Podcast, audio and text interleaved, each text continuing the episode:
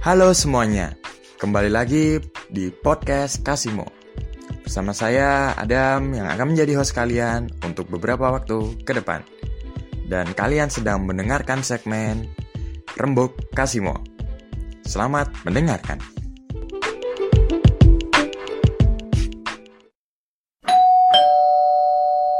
sebelum kita bahas apa yang akan kita bahas ini kenalan dulu lah kan buat Mulai dari aku uh, nih.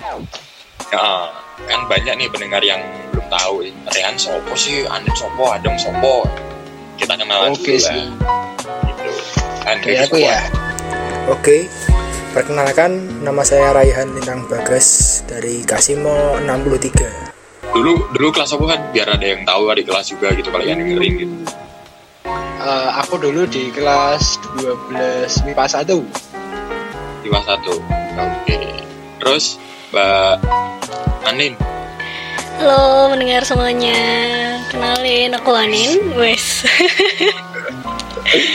Emang beda ya orang yang jam terbangnya udah punya podcast sendiri sama yang masih magang kayak kita ini beda ya. Aduh. Masih magang juga kok pak di podcast orang pak. Eh, Nama aku Anin Dita Panggilannya Anin Dari sekolah sih sama Rehan Kasih mau 63 12 IPA 1 Oke dari pas satu. Dan mungkin para pendengar yang belum dengar eh belum belum kenal juga aku siapa perkenalkan nama aku Adam. Aku dulu eh, kelas IPA 4 tiga tahun di IPA 4 terus sama juga angkatan Asimo 63 oke buat kan kesibukanmu sekarang apa Hmm, kan ini aku sekarang sebenarnya juga nggak sibuk-sibuk amat sih. Kan kebetulan aku juga belum kuliah alias gap year alias nggak diterima di mana-mana. Kok sedih ya pak bahasa yang terakhir? Itu beda men. Tidak diterima dan memilih gap year itu beda loh. Serius men. Beda itu. Di mana? ya, ya kalau misalkan apa namanya kita memilih buat gap year sama ya karena nggak terima gue gap year. Itu itu beda loh konteksnya beda gitu. Tapi kalau si Rehan ini Ini sih memilih Jabir nggak sih? Orang UTBK aja nggak datang kan?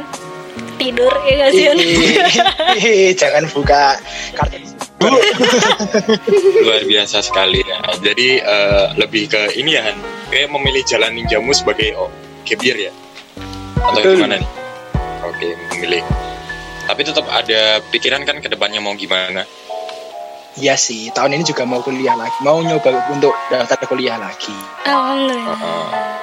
Alhamdulillah. Kalau misalnya apa masih luput lagi ya KUA masih buka kok santai.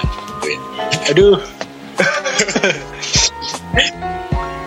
Oke kalau eh, Anin nih, Nin, Hmm. Coba jelasin Nin, lu siapa dan kesibukan lu ngapain sekarang? Gue kan Anin yang tadi kan udah kenalan di siapanya Sekarang Oh, ya udah tuh. eh, Ya alhamdulillah lagi kuliah di salah satu universitas di Jogja Di Oh prodi lagi kuliah, malam-malam kuliah ini. Iya sih Kuliah, kuliah Oh. Kuliah online Kan sekarang zaman kuliah online nih COVID-19 kan Oh iya. Mantap Iya lagi kuliah di Prodinya pendidikan dokter gigi gitu Terus kalau kesibukannya apa ya paling ya? Hmm, ini sih sibuk selama banget ya kayak ini. nih. covid ini Sibuk banget paling dong man. Ya, cuma Universitas gede bayar. iya sih gede salah, salah, Dam. Bukan bukan gede bayarnya, Dam. Apalagi nih? Lah apa? Universitas gudang mantu. Oh ya itu masuk banget, masuk banget. Jadi buat yang dengerin ini kalau punya orang tua lagi cari mantu, iya boleh. Aduh. Nanti nomornya ada di description box gue. Siap. Itu sih paling lagi kuliah terus eh, di luar kuliah aku ngurus di salah satu podcast namanya kontemplasi minggu pagi yang sekarang juga udah disiarinnya lewat anchor kok jadi bisa lewat eh, Apple Podcast terus Spotify dan lain-lain. Kalau di univnya sendiri kebetulan aku ikut eh, BEM. BEM fakultas sih masih ikut BEM fakultas di Departemen Pengabdian Masyarakat. Sama baru aja tahun ini eh, baru kemarin sih bulan kemarin tuh keterima di PSM KGI itu Persatuan Senat Kedokteran Gigi se Indonesia gitu komisinya komisi C pengabdian masyarakat juga itu jadi kesibukannya sekarang Dan kok aku minder ya, kita tutup podcast apa gimana ya? minder aku ya Tuhan. Aduh, berat nih dam. Berat, berat men, berat men. Emang eh, Mantu- emang mantu beda ya orang ya yang punya podcast sama kerja magang kayak kita itu beda omongannya men, beneran deh. Gitu. Makanya jadi calon mantu idaman. Kuliah bareng aku di sini dong ya kan? Masih ada tahun ini. Siap, siap. Siap. gue tunggu gue tunggu gue tunggu. Mari kita mau ngomongin apa sih hari ini emang daman? Eh, kali ini kita bakal ngomongin yang enteng-enteng aja sih tentang apa sih yang lo berdua rasain pasca karantina apa namanya bukan karantina sih lebih ke lockdown ya ini masih lockdown ya belum karantina full ya. Eh, Physical gara-gara covid 19 ini karena kan wah banyak banget tuh keresahan-keresahan dari mahasiswa yang Hmm, orang tua kan yang kayak gimana lah katakanlah. Dan kayaknya seru ini buat dibahas gitu loh. Iya bener Gitu. banget sih. Eh, eh, mungkin kita mulai dari ini ya. Eh Rehan dulu ya. Kan eh, dari kegiatan lu ya dari kegiatan lu itu lu ngerasa ada yang keganggu nggak sih gara-gara lockdown kayak gini Kalau aku sih lumayan terganggu banget sih ya. Soalnya kan eh, kesibukanku selama ini banyak di luar ruangan gitu loh. Kayak mungkin Hmm. olahraga, persiapan fisik buat besok mau daftar sekolah lagi. Terus kan aku juga sering ikut volunteer-volunteeran acara-acara gitu kan dan ini banyak banyak. Hmm. Kemarin udah udah ACC cuma cancel acaranya gara-gara ada apa physical distancing, physical distancing ini gitu. Termasuk jadi nggak ada job juga nggak sih Han? Nikahan pada tutup kan Nah, iya kan? itu juga nih sedih kalau- banget. kebetulan ada job buat foto wisuda wisuda juga nggak ada. iya wisudanya Kayak foto online. wedding pre wedding udah nggak ada. Hmm, Kan jadi terganggu banget sih kalau masalah itu nggak ada pemasukan ini selama ini. iya kan?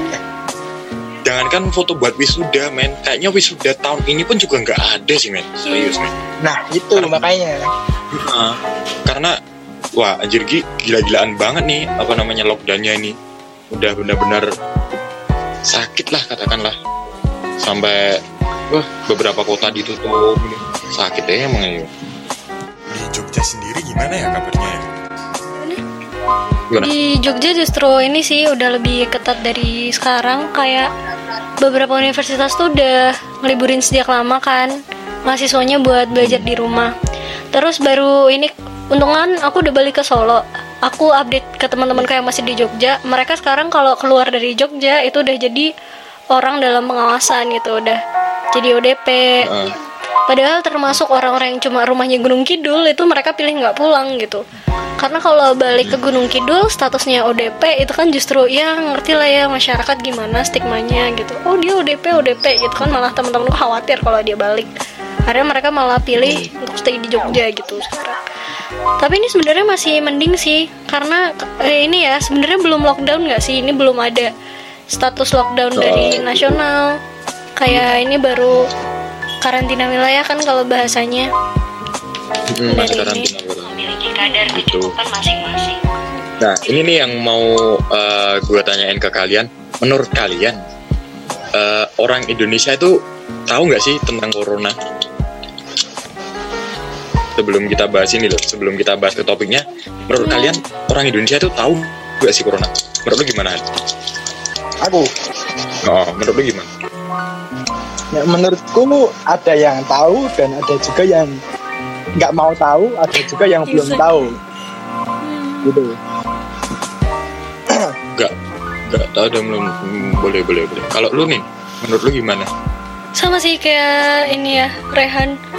Eh, ada yang tahu, ada yang nggak mau tahu, nggak mau mencoba tahu juga ada. Ada yang emang belum tahu sama sekali gitu karena informasi di negara kita kan juga belum semeluas itu. Mungkin kan teman-teman kita di pedalaman ya mereka belum tahu gitu loh soal ini gitu. kalau menurut apa nih dari pengamatan lo ya pengamatan ini orang Indonesia kayaknya berani-berani aja sih karena apa kebanyakan orang Indonesia kan orang-orang visual ya yang mana orang-orang Indonesia itu kalau belum lihat sendiri ya belum percaya gitu. Belum tahu namanya pocong nggak bakalan percaya sama pocong gitu. apalagi sama corona. Yup yup. Jadi itu kan realita men. Maksudnya eh, kalau misalnya dia bilang oh ini positif corona. Sedangkan pasien corona kan malah dikarantina orang kita nggak tahu. Dan bukannya nambah takut malah tambah penasaran sih. Ya nggak sih itu termasuk yang tadi orang-orang yang nggak mau tahu yang mereka sebenarnya tahu tapi masih melanggar aja perintah yang udah ada Nah, eh, apalagi orang-orang kerja sekarang kan, no, yang mana apa namanya? Ya kalau gue nggak kerja mah mati gue lebih baik bisa Apa- makan gitu. mati Iya, benar. mati kan gitu kan. hmm, Gitu. Kayak kena corona lah. Orang tipes saja masih pada kerja kan orang-orang Indonesia kan gitu. hmm, bener-bener eh iya lo men. Aku tipes aku masih kuliah lo men. Wah wait dan tenang. Aduh. aduh. Eh, terus ini juga sih. Nin, hmm, menurutmu hmm, kan sebagai mahasiswa Ki, ya hmm, dengan efek corona ini kan gue jadi nggak kuliah ki hmm, dalam artian nggak kuliah secara offline nggak tatap muka gitu Heeh. menurutmu hmm, bukan yang kamu rasain sih menurutmu hmm. eh, beberapa tenaga pengajar itu udah bener belum sih menjalankan kuliah online gitu Hmm, yang dari yang pengalaman lu sendiri itu udah bener apa belum Hmm. Kan kemarin juga aku sempat bikin podcast juga ngawancara mahasiswa kan. Anaknya semua lima juga si Yudis kan di podcastku. Kita ngomongin Oh? Yang sama Lupa juga. gitu, saya tidak Yudis. Kita ngomongin soal kuliah online ini juga kan. Kalau pandangannya dilihatnya dari kualitas dosennya ya, maksudnya em, eh, cara ngajarnya selama kuliah online ini gimana atau kuliah daring? Kalau bener enggak, kalau bener atau enggak itu relatif banget ya, tapi effortnya menurutku udah sangat besar gitu loh. Kalau dari yang aku lihat ya, maksudnya dari dosen-dosenku sendiri, beliau-beliau itu juga udah sangat aktif dan coba tanggap untuk uh, teknologi padahal kan juga mereka sebelumnya uh, beliau-beliau kan sebelumnya kan nggak familiar gitu sama teknologi tapi effort mereka itu sudah kelihatan banget gitu loh dengan bikin video terus bikin kayak conference call gitu terus juga ada yang bikinin materi tambahan jadi nggak cuma PPT doang. Kuis itu sering banget masihan kayak kuis tugas segala macam kayak gitu. Nah itu sih impactnya tapi yang aku lihat itu nggak semua gitu. Memang ada dosen yang sudah sangat menurutku berusaha keras ya untuk ngasih yang terbaik gitu buat mahasiswanya. Tapi juga ada dosen-dosen yang memang belum terbiasa mungkin dan aksesnya juga nggak sebesar itu untuk eh, bikin materi yang sempurna. Jadi ada beberapa dosen ya yang hanya menjalankan tugasnya ya kasih tugas aja gitu. Ada yang oh ya udah kirim materinya aja belajar sendiri. Terus tiba-tiba nanti ada ujian tiba-tiba ada kuis kasih tugas aja mereka bisa belajar sendiri. Ya bahkan aku temui di beberapa universitas kemarin itu setelah aku nanya-nanya ada yang nggak ini sama sekali nggak respon apa-apa waktu ditanyain sama mahasiswanya ini kuliahnya gimana? Jadi tugas nggak dikasih materi nggak dikasih beliau juga nggak ngadain conference call atau apa. Dan itu sih jadi emang sudah ada yang maksimal tapi ada yang tapi belum semua Belum. gitu ha. nggak ada tugas nggak ada pemberitahuan tahu-tahu ujian gitu ya. Nah iya itu ada ada kemarin yang cerita kayak gitu juga. Emosi bener. Hmm, ya Allah ya Allah Eh, tapi apa gimana? namanya ngaruh nggak ngaruh nggak sih apa namanya kegiatan online iki karo kebiasaanmu nin? Sangat sangat. Sangat mempengaruhi banget. Karena kalau eh, kebiasaan sendiri kalau ada tugas gitu ya biasanya kita tuh emang banyak kan di grup selama ini. Jadi tugasnya itu pasti kita kumpul kita diskusi gitu brainstorming bareng. Terus dan itu langsung gitu kan. Kayak contohnya kita ada praktikum-praktikum yang benar-benar nggak bisa diganti. Sampai sekarang kita masih struggling gimana caranya untuk ganti praktikum ini gitu. Contohnya kan anatomi gitu. Kita kan nggak punya kadaver masing-masing gitu. Jadi ya sampai sekarang berhenti akhirnya. Sampai sekarang kan berhenti akhirnya uh, praktikum ini nggak bisa jalan. Terus kalau dari kebiasaan sendiri jadi sekarang makin banyak natap di depan laptop lah ya pastinya. Banyak ini banyak harus korban kuota juga gitu. Kayak sekarang kalau dulu lebih suka keluar keluar rumah. Kita ngerjain tugas tuh ya cari angin seger lah ya ke tempat kayak perpus lah atau kayak kafe gitu kan dulu kalau sama di Jogja. Atau ke kos temen. Nah sekarang di rumah terus gitu.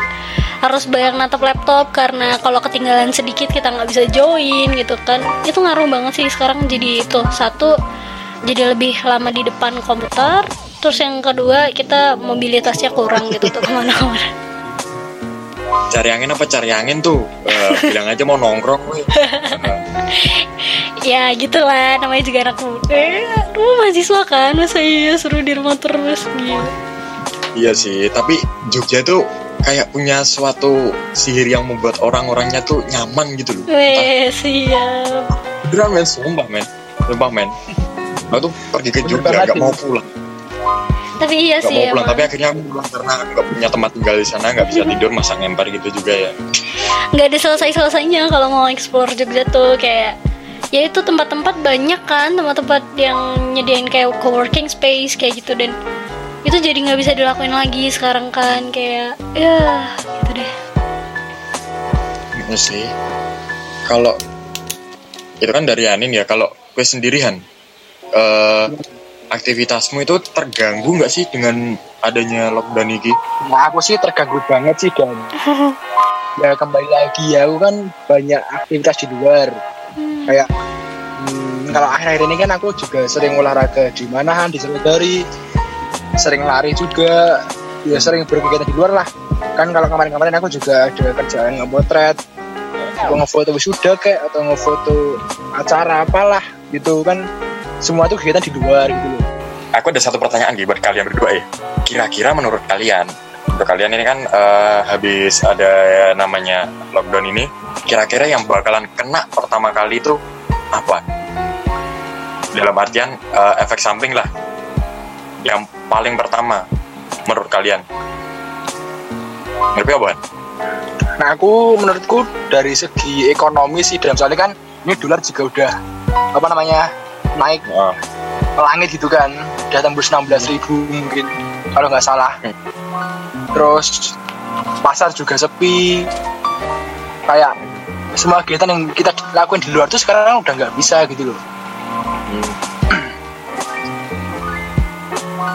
Berarti lebih ke Terus apa lagi Berarti nek menurutmu lebih ke ekonomi yang pertama yang bakalan kena Bi? Hmm. soalnya kan itu sektor yang paling krusial gitu loh menurutku. Itu yang paling krusial. Iya sih bener sih. Orang apa namanya terbukti kan dari namanya masker itu kan gara-gara lockdown dan gara-gara Nah. corona lagi kan. Wah gila-gilaan gue ya harga masker gue mas bisa buat ya masker yang orang-orang nggak pernah mikirin buat pakai. Tiba-tiba orang jual satu paknya sampai jutaan rupiah.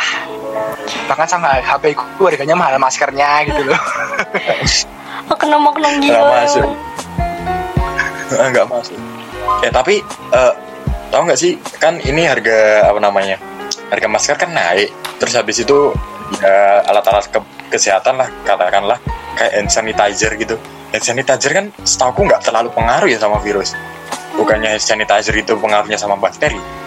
Apa gimana sih? Bener nggak sih?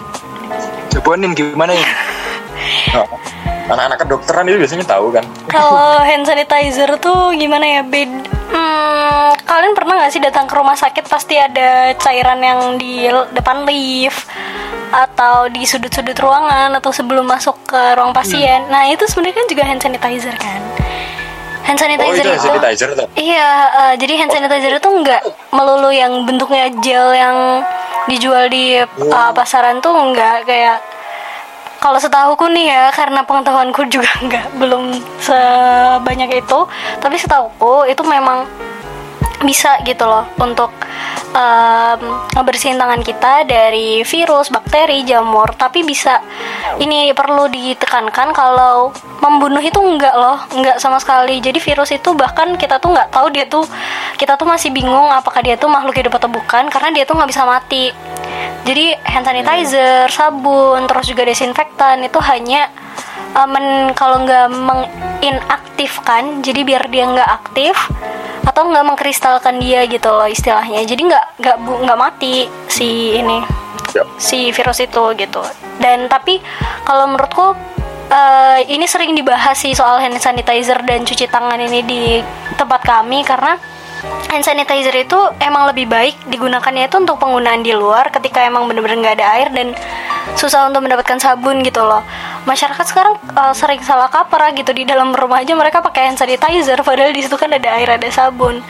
Dan air dan sabun ini jauh lebih efektif gitu untuk eh, bekerja daripada si hand sanitizer gitu. Sekalian nih meng- ini ngasih info ke teman-teman gitu ya. Jadi kalau emang nggak punya hand sanitizer ya nggak usah aja. Cuci tangan itu justru jauh lebih bagus kok gitu. Apalagi kalau cuci tangannya pakai cara yang benar gitu. Nggak mau. Menurut mungkin ini apa sih yang bakalan kena pertama kali ketika katakanlah di lockdown? Del, Hmm. karantina semua nggak boleh ke mana-mana. Apa sih yang bakalan kena pertama kali? Kalau pertanyaannya pertama ya.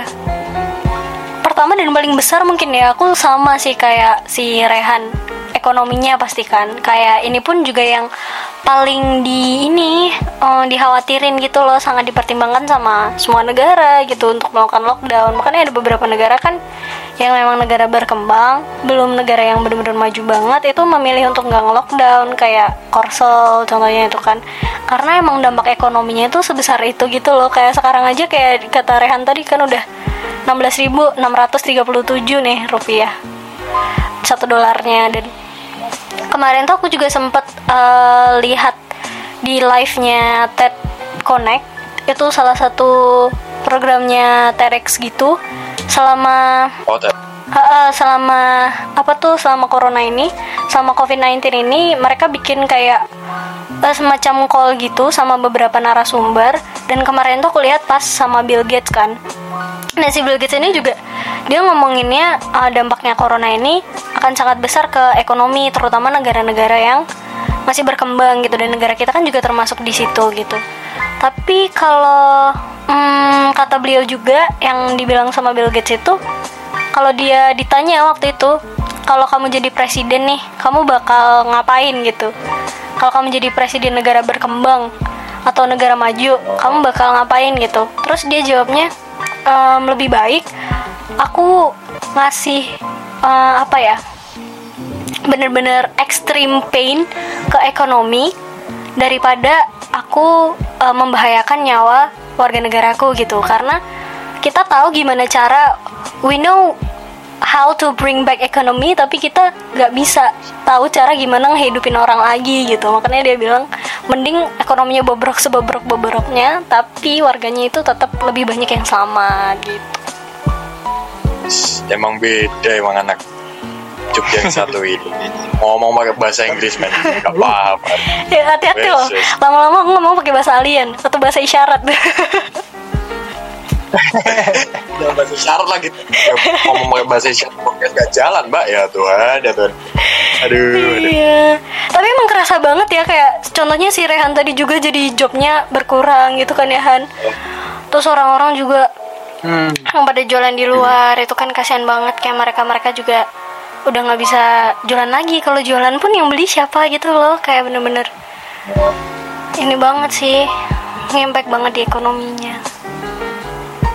Ya sih ini kemarin beberapa hari kemarin aku juga keluar kan Mm-mm. buat cari warung makan tuh udah nggak ada yang buka gitu loh. Iya kan daripada rugi, daripada rugi Iya, juga kan makanya. nggak pada jualan. Gak udah banget jualan dan ini eh, kapan gitu kemarin aku baca ya di berita gitu di ini di Cina setelah apa namanya setelah karantina ini salah satu kasus yang paling fenomenal atau yang paling lagi naik daun itu perceraian Percaya nggak? Wow, pernah denger sih, pernah denger. Bener, men. Bener, men. Bener. Serem Jadi itu banget. eh, karena gini eh, orang-orang apa di Cina itu kan mereka itu kebanyakan ini ya kerja kerja kerja untuk yang udah lulus kuliah kerja untuk yang masih anak-anak kan. Ya sekolah sampai sore sekolah sampai sore gitulah. Ya walaupun nggak semua yang sekolah konvensionalnya juga sekolah sampai sore tapi ketika mereka dipaksa di karantina akhirnya mereka yang nggak pernah ketemu dalam eh, kesehariannya itu tahu-tahu dipertemukan dan mereka nggak boleh ke mana-mana gitu. Kayak wah chaos itu habis itu banyak banyak banget itu kasus eh, perceraian gitu naik sampai tiga kali lipat kalau nggak Oh, salah wow, sumpah di mana tuh? Negara mana? jadi Cina ya masa di Arab gimana Gue kira di Korsel kan. Oh, oke oke oke di Cina. untuk kayak untuk gimana gitu loh Wah, pokoknya eh, gitu dan alasan kenapa mereka itu apa namanya bercerai karena mereka tuh di rumah nggak ngapa-ngapain men beneran mereka tuh di di apa namanya mereka tuh nganggep ketika karantina itu mereka nggak ngapa- ngapa-ngapain dan itu yang bikin mereka stres gitu loh kalau apa namanya keseharian kalian berdua set- eh, dalam kondisi saat ini ngapain aja sih keseharian lo ya dari anu ya dari Rehan Kalau aku sih eh, dalam ini hari keberapa sih? 17 18. 18 kalau nggak salah ya. 17 sih. Oh 17. 18. Nah, dalam 18 hari ini aku sama teman-temanku di Instagram sering banget bikin challenge challenge gitu sih dam kayak challenge Hmm. push up challenge Oh iya. lari 5 bener, kilo bener, di bener, rumah bener. aja gitu Iya sering tuh aku lihat ya. snapnya Rehan. Iya tahu tahu tahu tahu Kayak tahu tahu. seru gitu kan Hmm, kita bisa olahraga di rumah kece sih Tapi itu, itu bagus, kece bro. sih. Bagus loh itu olahraga di rumah. Maksudnya daripada gabut kan, daripada stres juga. Sekadar lari-lari aja nggak boleh ya Han emang? Bener-bener nggak boleh ya? setahu boleh sih Nin cuma Hmm. ya itu tadi kan kita kalau keluar rumah kalau lari juga sendiri aja jangan bareng-bareng Hmm gitu. terus kalau sampai rumah ya langsung Hmm. mandi Mandinya pakai air atau pakai hand sanitizer ya? pakai debu dan nyamum Ayammu mandi. aduh, aduh, gak masuk, gak masuk. Iya. Tapi itu bagus loh, maksudnya ketika keadaan kayak gini kalian pada nggak punya kesibukan itu bagus loh sih olahraga kayak push up, sit up daripada nggak ngapa-ngapain gitu. ya, makanya kan itu juga buat meningkatkan sistem imun kita juga kan Wih. Biar nggak malah drop juga daripada rebahan mulu tiap hari Iya, malah capek bener-bener. pegel akhirnya stroke ya kan Seru banget ya bener sih tuh. Aduh, nggak masuk, nggak masuk gitu kan. gitu. Kalau lu sendiri gimana nih? Kamu sendiri gimana? Apa yang kamu lakuin lah biasa nih buat nggak apa ganti kegiatanmu setelah lockdown ini? Hmm, beda banget sama Rehan sih ya Ya Allah, aku sama sekali nggak olahraga Cuma skipping 10 nih, kali ini kemarin kemarin tuh ya kemarin tuh eh, apa namanya banyak nih teman-teman aku yang cerita ke aku kalau misalnya mereka tuh habis lockdown ini berat badan mereka naik men. Nah iya bener-bener Ya itu ya Dan- karena nggak dan- olahraga. Dan ada yang paling parah itu naik 10 kilo men. Gila sih itu. bayangin ngeri. Wah sakit emangnya Ini Gimana ini bisa beneran. woy naik naik itu 10 kilo. Wajib ya Tuhan. 10 kilo dosa apa gimana ya Tuhan gitu. Bahaya banget sih itu Suruh ikut challenge-nya Rehan aja deh Mending ya nggak sih Han Eh, iya tuh bener banget. Nih ikut challenge-nya Itu sih paling kegiatannya Ya kuliah ya. Biasa lah ya Masih kuliah masih full. Biasanya dari jam 8 Sampai kadang jam 3 Selalu ada kelas ada kuis, terus kemarin juga baru ujian gitu. Terus sisanya paling aku ngelakuin apa yang aku suka sih. Kayak Rehan tadi kan juga dia olahraga kan juga apa yang dia suka gitu kan. Kalau aku paling lebih banyak di ini banyak ngekonten di podcast kayak sekarang lebih kemarin tuh baru kita minggu ini mau murah gitu ya pas di Jogja. Selama satu semester bahkan lebih ya berarti udah dari semester satu tuh nggak kebaca cuma kebaca dua halaman. Tapi gara-gara ada sistem physical distancing ini terus aku jadi bisa nyelesain buku itu kayak dalam 2-3 hari gitu yang dulu nggak pernah bisa dilakuin gitu.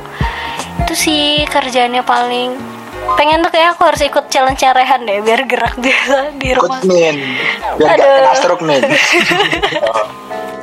Eh tapi tahu gak sih eh, beberapa hari yang lalu kan ada ini ya eh, lewat story story WA tuh biasanya ya buat ngisi kegabutan ya, aku ada PDF buku nih terus Oh, disebar gitu. parah banget sih itu parah banget sih parah Nah itu sih. parah banget tanggapannya tanggapanmu bi gimana nih? Tanggapanmu gimana? Ini ini aku kira tuh eh, salah satunya itu kan prank gitu ya.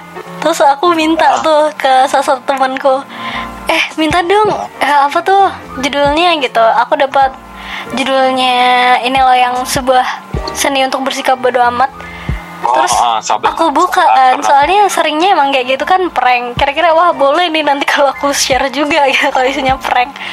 Ternyata malah isinya beneran bukunya gitu. Terus aku baca lah ini beneran buku gitu. Meskipun emang bahasanya uh, agak jauh sih tatanannya juga. Nggak serapi buku aslinya.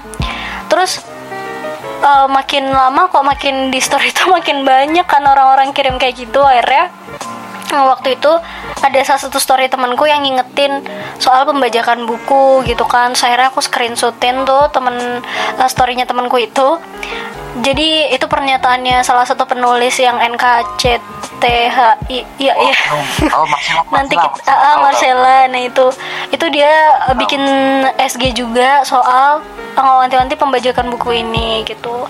Itu sebenarnya niatnya baik ya orang-orang biar kita ada kerjaan tapi itu melukai banget sih buat penulis-penulis temen aku yang uh, anak SMA 5 juga yang dia pernah nulis tuh namanya si Salma. Itu dia juga tahu itu rasanya greget gitu loh. Gila banget orang-orang kenapa uh, nggak menghargai penulis segitunya. Padahal itu kan juga karya ya yang nggak dibuat sejam dua jam gitu. Begitu udah keluar kok malah orang-orang seenaknya ngirim lewat PDF gitu. Tapi ya harapannya orang-orang bisa tahu sih kalau itu bukan hal yang legal gitu. Dan stop sampai di dia aja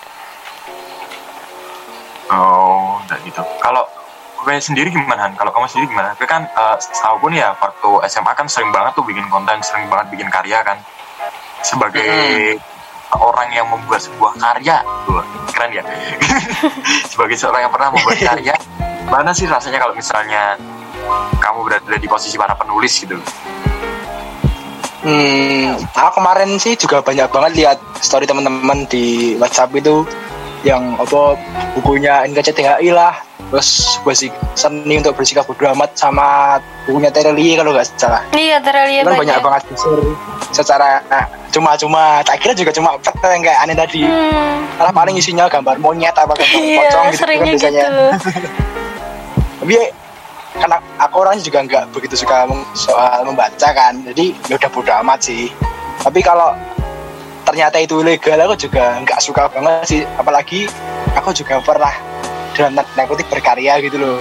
Kan walaupun di bidang berbeda tapi rasanya eh, karya kita di itu rasanya kayak sakit gitu loh. Dulu aja pernah di SMA 5 juga sih kasusnya. Kan aku anak fotografi nih. Nah ada fotonya teman-teman fotografi itu diambil tanpa izin oleh sumpah anak-anak ekskul lain gitu loh. Nah, kocak kita tuh nggak tahu. Terus tiba-tiba udah turun cetak kan. Nah, pas udah diedarkan tuh, loh, kok ada foto kita, kita nggak tahu. Itu rasanya kayak mangkel emosi gitu loh. Hmm, Apalagi itu yang udah bener-bener karyanya dijual dengan harga yang lumayan gitu loh. Kan pasti lebih sakit kan kalau kehilangan sejumlah bukunya itu. hmm, bener bener bener tapi iki apa namanya?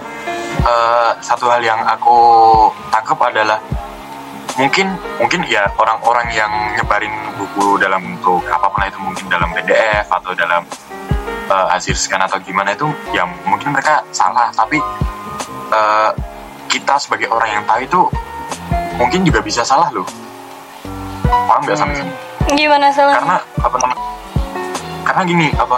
Yang pertama ini ya ini pasti ada orang-orang yang eh itu tuh salah itu tuh gini gini gini gini. Hmm, langsung ngejudge gitu tanpa apa dengan pendekatan yang benar tanpa pendekatan yang katakanlah apa pelan gitulah. Tahu langsung wih lu salah lu, lu salah lu gini gini gini. Hmm. bajakan tuh namanya. Beli dong. Ya kalau aku sebagai seorang yang nyebarin dengan aku belum tahu aku belum tahu buku ya aku belum tahu sistemnya kayak gimana ya marah dong men. Hmm. marah dong karena apa namanya? Ya kalau lo tahu bilang dong dengan pelan gitu. Oh iya teman-teman gini loh. Pembacaan buku itu sebenarnya nggak bagus. Kamu kalau kayak gini tuh salah gitu. Kan malah teman-teman apa namanya pada ribut kan. Lo udah dibilangin juga gini gini gini gini. Kayak oh sih bener sih bener sih. Eh, aku ada teman men. Aku ada teman ini beneran. Teman kuliah gitu sampai berantem men. Beneran bener-bener berantem. Posisi belum tahu belum tahu nih pembajakan itu apa sistemnya kayak gimana tahu-tahu disemprot sama temennya yang langsung ngegas gitu kan mana Hmm. dong wah berantem itu beneran Oh. wah gila jadi menurutku sih eh, buat teman-teman pendengar ya yang kiranya udah tahu kalau emang masih ada kayak gitu ya pendekatan yang pelan-pelan kan nggak bukan berarti salah juga gitu Iya loh. benar Nggak benar. apa-apa Sepakat langsung, sepakat. mana sih mana sih bla bla bla itu benar. Bener sih, setuju banget Dan- sih.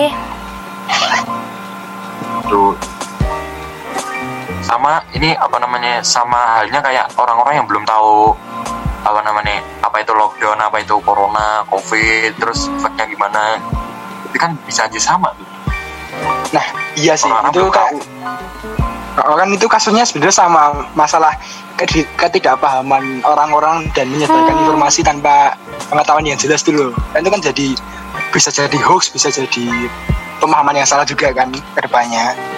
Hmm. Makanya Karena ini men, hmm, men- menurutku ya kebanyakan orang-orang apa namanya orang-orang itu masih ngeyel ya karena mereka mendapatkan edukasi yang masih belum apa belum bisa masuk ke mereka gitu loh iya benar. dalam ambil ambil contoh gini aja lah si Anin ini ini Anin kan eh, kedokteran gigi Anin ya Hmm. nah kedokteran kan paling enggak itu ada ya edukasi tentang menyikat gigi yang baik dan benar nah katakanlah kalau misalnya Ah, ya, ya kan bener Iya benar Ah, benar. ya masa kedokteran gigi ngasih percobaan buat bangunan kan Iya lucu iya gitu iya. Oke oke oke gimana gimana. Ketika kamu memberikan nyuluhan atau mengedukasi orang-orang kalau dengan cara yang salah orang-orang nggak bakalan mau sikat gigi kan Iya sih, iya benar-benar. Nah, orang-orang yang masih ngeyel keluar ini cuma orang-orang yang belum tahu ah itu corona kayak gimana gitu kembali ke omonganku tadi orang-orang Indonesia tuh kalau belum lihat sesuatu mereka nggak bakalan paham orang yang belum pernah lihat pocong nggak akan pernah percaya pocong gitu kan. Bener. Aku percaya Eh. sih, belum lihat. eh tapi keren loh men bahas pocong itu udah ada pocong yang sampai ke Korea tau gak sih Emang nah ada. kita emang orang-orang negara produsen Indomie emang keren-keren kayak gitu ya Tapi emang itu sih yang jadi PR kita semua sekarang ya. Maksudnya nggak melulu hanya pemerintah atau orang-orang yang benar-benar udah expert nah itu di bidang medis dan sebagainya tapi kita juga termasuk kamu yang dengerin kalau kamu memang sudah paham atau mengerti seenggaknya. Dan kamu peduli untuk uh, isu corona di negara kita ini PR kita semua untuk memahamkan orang di sekitar kita. Seenggaknya orang-orang terdekat dulu aja yang memang belum paham atau belum mengerti kita kasih pengertian. Kan sekarang banyak tuh ya video-video penjelasan yang dibuat sedemikian rupa lucu-lucu kayak bener-bener biar semua itu bisa nangkep gitu nah bisalah kita gunakan media itu juga untuk edukasi orang-orang di sekitar kita gitu. Pentingnya itu apa? Karena ini nih kayak yang Adam bilang tadi kadang kalau belum lihat langsung atau belum ngerasain langsung nah itu tuh kayak orang-orang tuh belum sepercaya itu gitu. Tapi kalau kita udah tunjukkan videonya bukti-bukti gimana uh, orang yang terkena itu akan seperti apa? Kayak kemarin tuh juga udah ada gambaran model paru-paru orang yang terinfeksi COVID-19 itu kayak apa. Nah Seenggaknya meskipun mereka nggak merasakan langsung atau melihat langsung, mereka bisa lihat gitu lewat audio visual. Dan itu tugas kita semua untuk uh, mengedukasi orang-orang di sekitar kita gitu. Iya nggak sih? Heeh. Kayak malah sedih nggak sih kalau kebanyakan anak-anak yang keluar nongkrong tuh juga anak-anak seusia kita gini gitu Iya sih, nongkrong gitu buat apa namanya? Ya cuma nongkrong nggak ngapa-ngapain, cuma ngerokok gitu. Hmm, Terus ini entah bener atau enggak ya katanya tuh ngerokok bisa ini sih apa memperkecil kemungkinan bukan apa namanya mencegah tapi mem- mem- memperkecil kemungkinan buat tidak terkena itu bener gak sih? Ini serius ini. Belum belum Itu cocok lagi sih menurutku. Sebuah informasi yang tidak bisa dinilai keakuratannya. viral banget kan merokok gitu dapat memperkecil kemungkinan karena kena corona karena suhu tubuh panas atau gimana. Hmm, ya karena analoginya kalau udah panas kan semua orang disuruh keluar rumah jam 12 siang. Hmm. gitu. Ini nih kalau kadang nih orang-orang yang bandel kayak gitu orang-orang yang bandel Ya. dengan argumennya yang kayak gitu tuh biasanya Heeh. um, kita maksudnya kalau di aku pernah dikasih tahu gitu sama salah satu temanku kalau ada orang yang bandel kayak gitu kamu tinggal bilang bilang kayak gini aja nin kita cuma percaya sama Tuhan selain itu fakta-fakta selain yang dari Tuhan kamu bawa data gitu. Kamu bawa data. Sekarang datanya mana? Kalau orang-orang yang merokok itu nggak akan kena corona. Maksudnya lebih kecil kemungkinannya. Kamu ada studi yang uh, meneliti soal itu nggak? Ada papernya nggak? Ah, paper ada jurnalnya nggak yang kamu pakai seenggaknya gitu kan? Karena eh, kalau mau di lebih cocok logiin lagi malah ada salah satu jurnal. Ini udah bener-bener jurnal yang udah terbit. Itu beberapa waktu lalu aku baca. Justru orang yang merokok itu punya kemungkinan meninggal lebih besar kalau dia udah terkena covid-19 gitu. Karena Dengan merokok paru-parunya kan dia udah eh, rusak duluan. Jadi ya barang rusak di- Iya. dikasih perusak yang makin rusak dong ya. Terus yang kedua orang-orang eh, yang perokok ini biasanya sistem imunnya itu justru lebih rendah daripada yang lain gitu kan. Kalau kalau di yang aku baca itu di jurnal yang aku baca ya otomatis justru kalau sistem imun ini lebih rendah kan ya udah jelas dong akan lebih parah membawa dampaknya dan akan justru lebih mudah terkena gitu ketika kamu punya sistem imun yang rendah. Terus soal berjemur vitamin D uh, soal berjemur di bawah matahari itu kalau setahuku dari yang aku baca itu tuh tujuannya tuh bukan untuk em, menyembuhkan virusnya atau menangkal virusnya tapi biar kita tuh keluar rumah biar ada vitamin D terus kita juga imunnya juga akan lebih baik ketika kita keluar rumah ketemu cahaya matahari gitu kan. Jadi lebih ke sistem imunnya kita juga gitu loh. Dan emang kalau setahuku kalau memang di suhu yang panas itu eh, kalau yang dulu dikasih tahu tuh virus memang apa ya pergerakannya itu nggak banyak atau yang nggak seoptimal kalau di suhu-suhu yang lain. Tapi ada studi lagi yang nunjukin kalau bahkan di Afrika pun virus-virus tetap hidup gitu loh. Virus si COVID-19 ini dengan suhu setinggi itu dia tetap hidup juga gitu. Jadi menurutku kalau si kita disuruh keluar itu lebih eh, efeknya itu ke biar sis- sistem imun kita tuh naik gitu. Jadi sebagai eh. Uh-uh, orang-orang muda nih hah, dalam menanggapi hal-hal kayak gitu juga eh, kita perlu cari sumber-sumber yang kredibel lah ya. Sekarang kan banyak tuh em, kalau yang eh, istilah yang dikasih tahu sama dokter aku tuh banyak pasien yang lebih pinter dari dokternya. Lebih dokter daripada dokter. Karena mereka sok tahu gitu. Dan sekarang kita punya internet orang-orang baca apa dikit merasa oh oh itu benar gitu loh. Oh ini ini tuh benar di internet tuh bilang gini di Google bilang gini gitu tanpa ada studi lebih lanjutnya. Termasuk juga dengan argumen-argumen kayak gitu dia ilmuwan yang lebih ilmuwan dari ilmuwan asli gitu loh. Dia orang biasa yang lebih ilmuwan gitu loh. Hanya dengan membaca satu berita atau satu info yang bahkan sumbernya nggak jelas. Ini yang perlu kita ini juga sih edukasi kalau ada itu orang-orang terdekat kita yang kayak gitu. Eh tapi tahu gak sih eh, ngomong-ngomong soal rokok nih ya? Kita kan Hmm. tadi sempat bahas rokok juga. Hah, tahu gak sih orang itu kalau ngerokok itu di masa tuanya dia itu nggak sakit-sakitan loh tahu nggak alasannya kenapa? Kenapa? Iya soalnya pas muda udah mati dan gitu nggak sampai tua dia. ya Allah. Ah, jadi tuh nggak gitu sih nggak jahat banget sih ya Allah. Jokes ini apa jokes iya itu kan? Jackson apa- ngerti ngerti. Kebanyakan orang orang itu kalau ngerokok itu tuanya nggak nggak sakit ya? Iya. emang bener nggak sakit? Lu aja nggak sampai tua gitu. mati muda. Oke.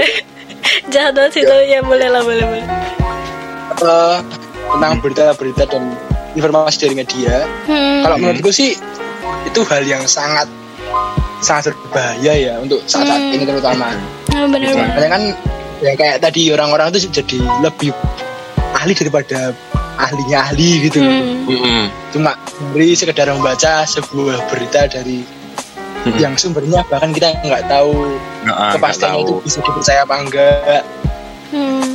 Kredibilitasnya tuh bisa dipastikan apa enggak gitu loh. Ah, bisa dipertanggungjawabkan lah paling nggak ya gitu ya.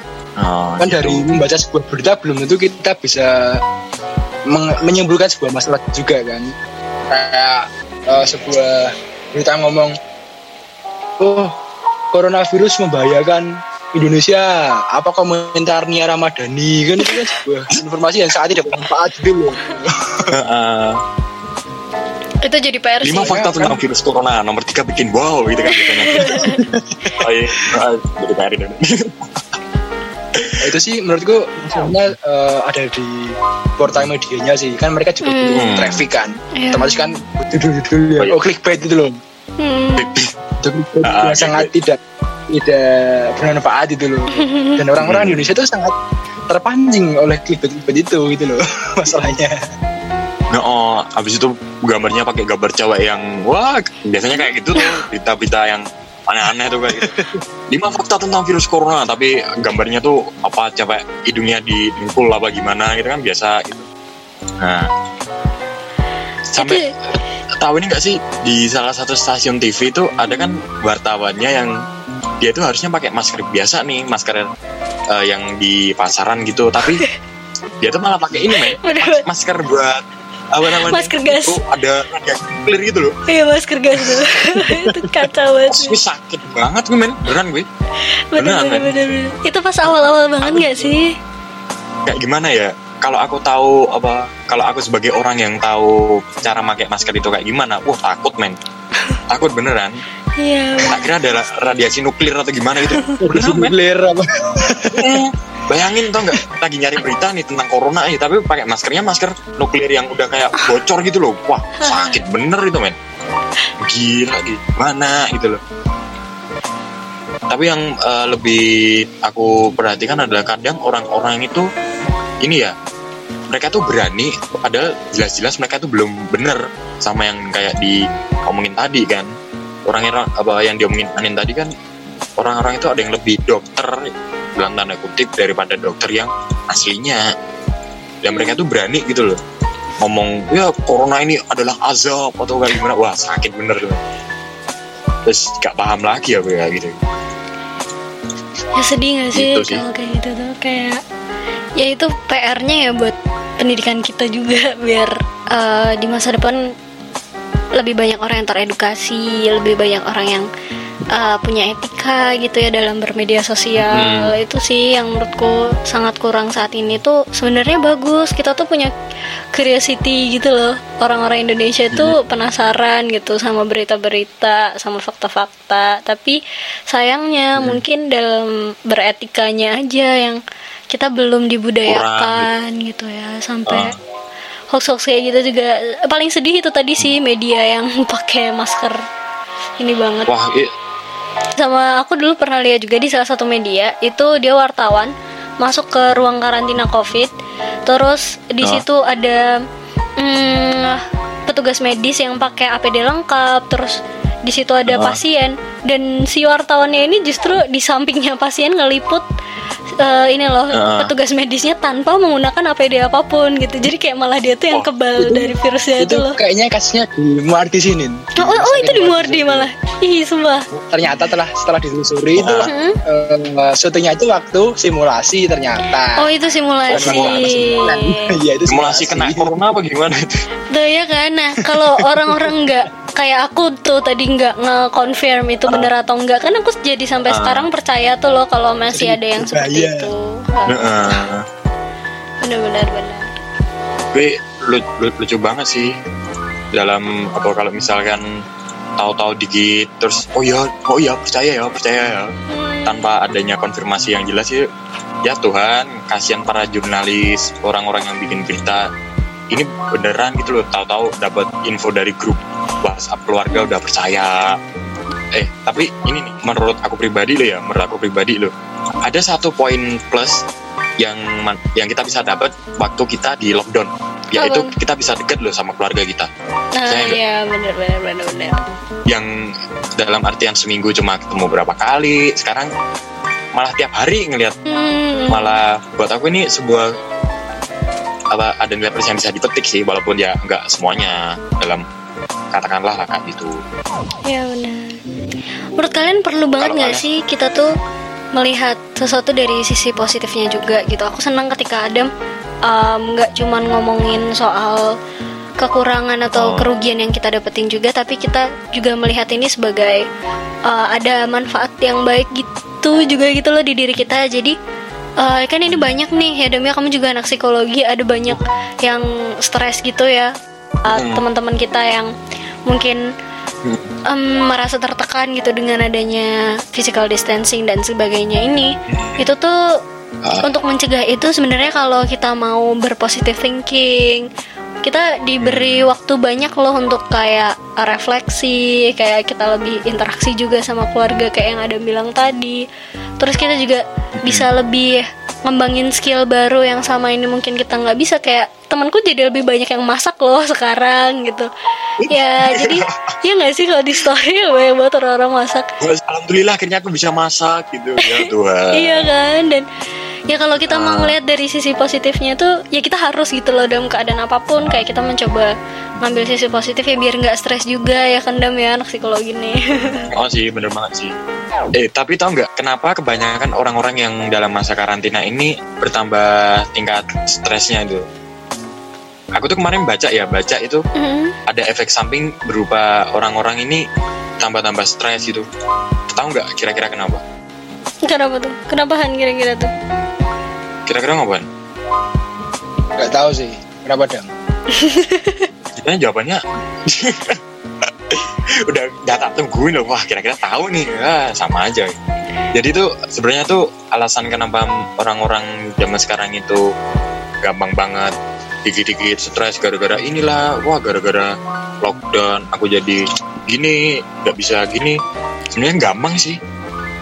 Karena mereka merasakan suatu hal di mana mereka nggak pernah ngerasain itu sebelumnya. Hmm. dan itu mereka rasain secara terus-terusan paham gak sih? Oh, iya. Ini beda konsepnya dengan orang-orang yang dipaksa keluar dari zona nyaman loh ya. Ini Hmm. beda konsepnya.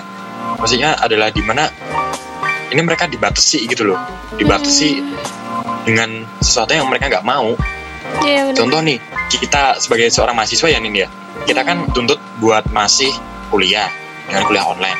Tapi kita benar-benar dibatasi dengan apa namanya sebuah kebijakan di mana kita harus pakai aplikasi ini, kita harus pakai internet, di mana nggak semua orang kan juga bisa ngakses internet di rumahnya waktu kegiatan kayak gini. Dan ketika itu lambat-lambat laun tambah tambah tambah terus akhirnya mereka tambah ini loh tambah nggak nggak tenang gitu karantinanya.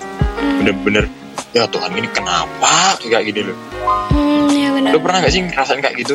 Kayak ya Tuhan aku harusnya tuh bisa kayak gini tapi kok kayak gini nggak bisa gitu loh. Ya pasti sih. pernah nggak sih kalian kayak gitu nek dari gue Han pernah nggak sih gue ngerasain kayak gitu ya Tuhan males banget nih gara-gara corona nih padahal cuma penyakit Allah apa sih Nah aku pernah sih awal-awal kemarin minggu pertama gitu. Kan aku kemarin juga pernah ngomong ke Anin kan Nin. Iya benar. Dan aku juga belum sepenuhnya percaya dan belum sepenuhnya takut tentang corona ini. Hmm. Soalnya juga kan yang diserang cuma orang-orang yang usia lanjut dan punya penyakit bawaan gitu loh. Jadi yo santuy aja ngapa sih gitu loh. Tapi akhirnya Oh. eh, setelah banyak membaca berita sana sini penyebarannya ter- terlalu cepat. Jadi kita harus melaksanakan physical distancing Hmm. dan aku sebagai orang yang nggak bisa banget di rumah terus tuh cukup Hmm. terganggu sih menurutku. Tapi kan ya tahu sendiri, aku olahraga harus di luar, Hmm. ngapa-ngapain sering keluar, terus belajar juga sering di luar juga, ketemu temen, banyak rapat sana sini, jadi terganggu semua. Itu sih kalau aku. Sama sih ya kayak Rehan kayak sering keluar terus sekarang harus diam pasti ada ada kayak momen di mana udah gue udah mau gitu udah capek gitu. Kayak apalagi dulu pas awal juga aku kan masih di kos. Kayak bener-bener di kos tuh nggak ada orang juga tuh loh nggak ada orang sama sekali. Jadi kayak bener-bener sendirian kayak di penjara gitu kan dan ngerasa ya pasti kayak yang ada bilang tadi kayak nggak pernah gitu loh di kayak di posisi kayak gini dalam jangka waktu yang waktu itu aku sekitar satu mingguan kalau nggak salah di kos sendirian gitu. Dan ya itu cukup stressful sih. Tapi kayak yang aku bilang tadi kita kan juga tetap bisa ngambil sisi positif kayak si Rehan akhirnya juga nemuin solusi kan ketika dia nggak bisa olahraga di luar dia bikin challenge aja gitu. Olahraga yang bisa dilakukan di dalam rumah dan justru itu akan jadi sesuatu yang asik gitu. Kalau apa namanya ini salah satu temanku pernah bilang sih orang di rumah orang di rumah terus itu bakalan bisa tambah stres itu karena apa? Karena mereka ngelihat manusia. Logikanya gini manusia itu tempatnya masalah loh men percaya nggak sih? Manusia itu tempatnya masalah loh. Contoh nih contoh nih. Bumi kalau kebanyakan manusia apa yang terjadi? Kan penebangan di mana-mana dibuat ini ekosistem akhirnya terganggu pemanasan global bla bla bla bla bla. Akhirnya bumi rusak kan? Nah, tapi kalau Hmm. dianggap nggak ada manusia tumbuhan-tumbuhan ya tumbuh hewan ya berkembang biak. Hmm, Betul. Temenku pernah bilang gitu, orang orang bisa stres itu kalau mereka terlalu sering lihat manusia sih, oh, karena or- pada dasarnya manusia itu tempatnya ma- salah gitu.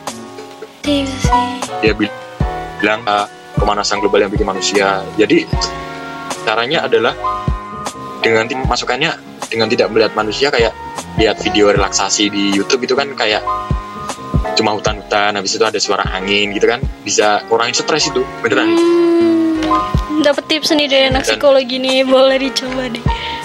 Nah, ini bener. Jadi apa? Hmm, dan aku kira cuma ya elah cocok logi cocok logi. Tapi ternyata setelah aku lihat ternyata metode terapinya ini ternyata benar gitu. Dengan hmm, mengurangi melihat manusia gitu. Jadi ya kalau lagi males kalau kenapa ya udah tenangin diri lihat video-video di YouTube. Video alam atau, atau ada sungai atau gimana. Kan kayak gitu. Hmm, yes sepakat sepakat sepakat jarang ada video relaksasi isinya orang. Itu kan nggak ada adanya ya oke gunung. Ya video relaksasi isinya orang ngapain gitu kan. Lagi kan capek gitu. lihat yang main. Ya elah orang lagi orang lagi gitu. Kemarin lihat ini udah masalah yang ini ah sama gitu kan. Hmm, gitu. masuk masuk. bisa sih itu boleh dicoba sih. Bener-bener mengurangi coba lihat apa lihat gambar-gambar gunung gitu. Atau gimana gitu. Tapi jangan ke gunung gitu ya. Di gunung masih tutup nih bicara soal gunung nih aku ada temen dia tuh ngiranya lockdown itu nggak boleh di rumah tapi boleh ke tempat yang di luar gitu. Akhirnya dia ke gunung men? Har. itu empat hari itu dia nginepnya jadi ya sekitar semingguan gitu. Beneran wah astagfirullahaladzim. Akhirnya dia pulang gara-gara eh, stok makannya habis ini true story ini beneran. Gak gak ngada-ngada gue nih jadi dia tuh Hmm. ngiranya ya udah bosen banget nih. Ke mana gitu kayak. Yang penting kan gak boleh di rumah gak boleh berkeluyuran udah naik gunung gitu. Naik gunung empat hari nggak ada makanan yo. Habis itu pulang gitu orang tapi sendirian atau sama temen-temennya tuh? Dia sih sama temannya berapa orang ya? Tuh malah parah kan Ya. sama temennya jadi empat jadi empat orang ya. Tiga temennya tiga jadi empat orang gitu. Hmm. Oh, parah ya. jangan ditiru deh. Jangan jangan jangan. Lah jangan udah udah bener di rumah ngapain gitu kayak. Yang penting jangan tiduran lah. Jangan tiduran doang untuk so cukup ya bukan anu sih lebih ke cukup ya. Kita closing aja kayak gimana di sini? Kalau ada yang mau dibicarain monggo. Kalau anu ya monggo. Dan kalau boleh aku mau nambahin dikit dong Mungkin buat ini aja, closing aja kan. Dari tadi kan kita ngomongin apa sih? Kita kan ngomongin soal COVID-19 Soal keadaan kita Entah gitu sekarang kita kerja mahasiswa ataupun masih siswa. Yang penting kita sekarang tuh em, Menjalankan peran kita masing-masing gitu.